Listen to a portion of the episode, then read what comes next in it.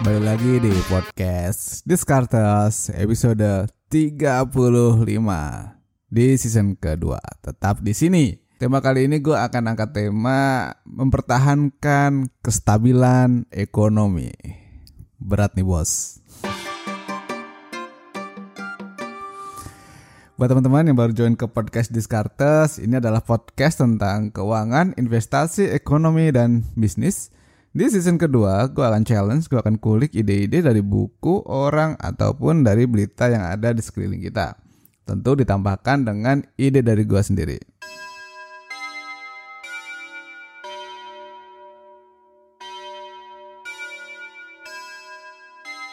Sekarang gue mau ngomongin ekonomi guys. Jadi beberapa waktu yang lalu gue sempet skimming eh, salah satu buku ekonomi nih. Belum baca full sih, tapi kayak keren aja itu buku. Pas gue baca beberapa bab itu wow menarik nih. Jadi buku ini judulnya Good Economics for Hard Times. Penulisnya Abhijit V. Banerjee and Esther Duflo. Jadi mereka adalah ekonom-ekonom kelas kakap, kelas dunia di buku itu ada yang ngebahas tentang imigran.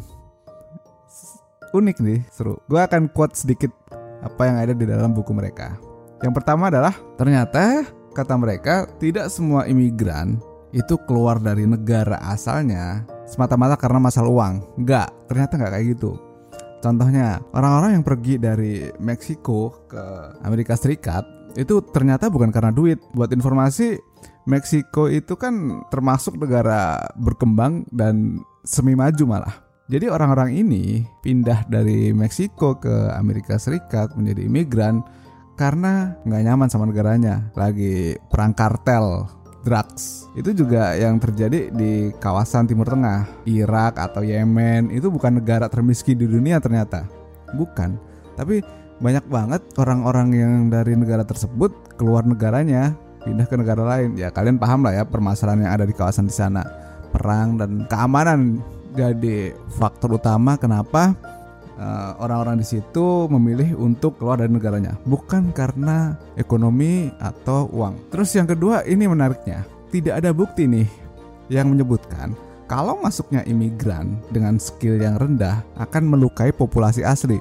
Jadi katakanlah kebanjiran imigran dari luar ternyata nggak serta merta bikin penduduk setempat ya populasi aslinya bermasalah dari sisi pekerjaan. Ternyata enggak jadi semua seharusnya aman dan dia di buku itu udah ngejelasin banyak ngasih data banyak. Ya kita nggak akan ngebahas buku ini ya. Tapi dari dua pernyataan tadi kita bisa ngomong bahwa ekonomi itu sebenarnya masuk akal, masuk logika kalau mau berpikir lebih dalam, bukan magic yang terlalu rumit. Gua nggak akan bahas imigran di sini, gua nggak akan bahas soal buku itu di sini, tapi ini jadi kayak bridging gua ke teman-teman semua bahwa kalau di logika sebenarnya ekonomi itu gampang, ekonomi itu ada benang merahnya gitu. Bukan semata-mata kita mengalami ketakutan-ketakutan tanpa ada data, tanpa ada benang merah, tanpa ada story yang benar gitu.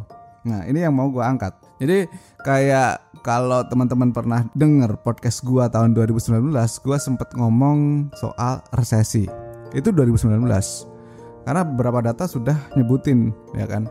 Terus 2020 ternyata beneran resesi dan gua sharing apa sih yang harus dipersiapkan. Nah sekarang gua mau cerita nih sebenarnya apa sih yang dilakukan sama orang yang bertanggung jawab dalam hal ini ekonomi itu ya pemerintah, Bank Indonesia, mereka kan yang memiliki power untuk melindungi masyarakat dari perekonomian. Dijaga nih biar stabil.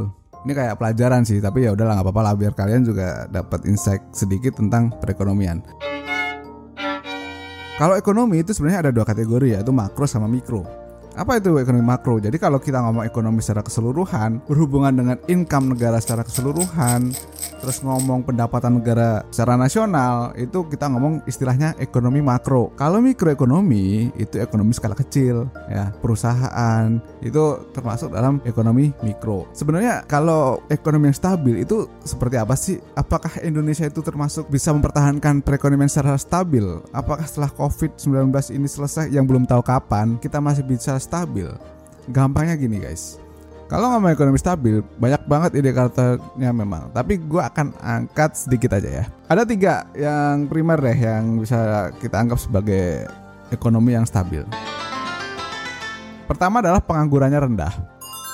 Jadi kalau kita lihat ya, tahun 2020 kan ada dua data nih. Agustus 2020 pengangguran kita 9,77 juta. Gue baca data nih dari BPS. Dia naik 2 juta orang dari 7 juta orang sebelumnya. Artinya gara-gara Covid ada tambahan pengangguran sebanyak 2 juta orang. Ya, kalau dibilang stabil ya enggak ya kalau dari sisi pengangguran. Toh yang nganggur makin banyak gitu. Indikator kedua, inflasi terjaga. Ya, jelas kalau di 2020 kita mengalami inflasi yang rendah banget. Orang nggak punya daya beli, bahkan beberapa bulan tertentu terjadi deflasi. Sementara yang ketiga, ekonomi dikatakan stabil kalau neraca perdagangannya stabil. Nah, tahun 2020 itu ada beberapa bulan yang kita mengalami defisit, tapi ada beberapa bulan lain juga mengalami surplus. Apa maksud uh, tiga variabel ini? Yang gua, mau gue sampaikan adalah kita kalau ngomong 2020 bisa dibilang itu anomali lah ya, karena pandemi gitu. Sementara kalau ngomong 2021, 2022, 2023, nanti teman-teman bisa melihat apakah dari tiga indikator itu semuanya positif atau enggak nih? Apakah penganggurannya turun atau enggak nih? Apakah inflasinya ada dan terjaga atau enggak? Artinya inflasi itu tetap dibutuhkan karena menunjukkan bahwa ekonomi bergerak gitu ya. Nah, itu tiga indikator yang paling simple ketika kita ngomong ekonomi yang stabil. Kemudian kalau berbicara kestabilan juga tadi udah sempat gue bilang Bank Indonesia, Bank Sentral, pemerintah itu yang jagain. Kalau Bank Sentral dia itu ada dua kebijakan yang bisa dibilang ngayomin ya. Bank Sentral ingat tugasnya kan di sisi moneter, moneter, terus dia ada kebijakan namanya hawkish dan dovish. Ini kalau teman-teman googling, kalau kalian googling di mana-mana, ini bakal sering muncul. Hawkish itu artinya kebijakan bank sentral itu berlawanan sama market. Jadi kalau misalnya bank sentral melihat bahwa ekonomi akan tumbuh, terus inflasi akan naik, maka mereka akan ngeluarin kebijakan yang istilahnya hawkish. Jadi kayak diperketat gitu, biar kebijakannya itu nggak bikin overheat di ekonomi. Jadi biar ekonominya gerak tapi nggak terlalu tinggi, biar nggak panas. Nah ini dijagain loh. Kalau kebijakan bank sentral yang namanya dovish, ini kalau pro market, artinya ngelihat bahwa perekonomian lagi lesu maka bank sentral akan ngurangin, akan ngereduksi rate bunga biar lebih santuy gitu. Ibaratnya dia ngasih stimulus ke ekonomi biar gerak, biar rodanya jalan naik gitu. Contoh, 2020 Covid, terus ekonomi turun, maka bank sentral melakukan kebijakan yang dovish, berusaha untuk pro market, ya kan? BI nurunin 7D reverse repo rate, BI rate selama lima kali tuh dari 5% sampai 3,75% gitu ya. Terus kalau uh, pemerintah apa tuh kebijakannya? Ya ada namanya kebijakan fiskal. Jadi kayak mereka ngasih uh, kebijakan pajak dan cukai itu kan nggak semata-mata cuman biar dapat pendapatan, tapi juga untuk ngendaliin ekonomi. Kalau ekonomi lagi susah, maka dikeluarkan tuh stimulus kayak pengurangan pajak. Kalau ekonomi lagi bagus, pajaknya dinormalkan. Terus kayak kalau teman-teman lihat kayak rokok tuh ada cukainya sebenarnya buat apa sih cukai rokok apakah cuman gara-gara ingin dapat uang dari perokok nggak gitu coba tebak apa yo Terus balik lagi ke masalah kemarin, kan ada tuh stimulus pemerintah ratusan triliun. Ada yang buat bansos, ada yang buat bantuan listrik, kalau nggak salah kayak gitu ya. Nah itu juga salah satu yang dilakukan pemerintah. Ini gue bukan ngomong sebagai pemerintah ya, gue ngomong dari sisi ekonomi nih, gitu. Kemudian kalau kita ngomong ekonomi juga, maka harus ngelihat gimana sih duit kita, rupiah kayak gimana sih? Kan itu salah satu simbol bahwa ekonomi kita stabil, tercermin dari pergerakan mata uang. Gimana cara stabilin mata uang rupiah? Ya, tahu kan ada yang namanya cadangan devisa. Guna dari cadangan devisa itu salah satunya buat bikin stabil mata uang. Caranya ya kalau misalnya pas uh, mata uang kita jatuh, maka akan dipasok falas ke market sama bank sentral. Cadangan devisanya berkurang, tapi rupiahnya akan stabil. Gitu gampangnya. Ya kalau kalian mau belajar lebih, kalian bisa searching sendiri atau masuk ke kelas ekonomi. Tapi ini adalah gambaran singkat biar ketika kalian mau invest, ketika kalian ngomongin reksadana, saham, falas dan lain sebagainya, kalian ngerti sedikit tentang basic ekonomi karena ini penting. Itu Mudah-mudahan akan bermanfaat buat kalian semua. Sampai jumpa lagi di podcast Discartes episode selanjutnya. Thank you and bye-bye.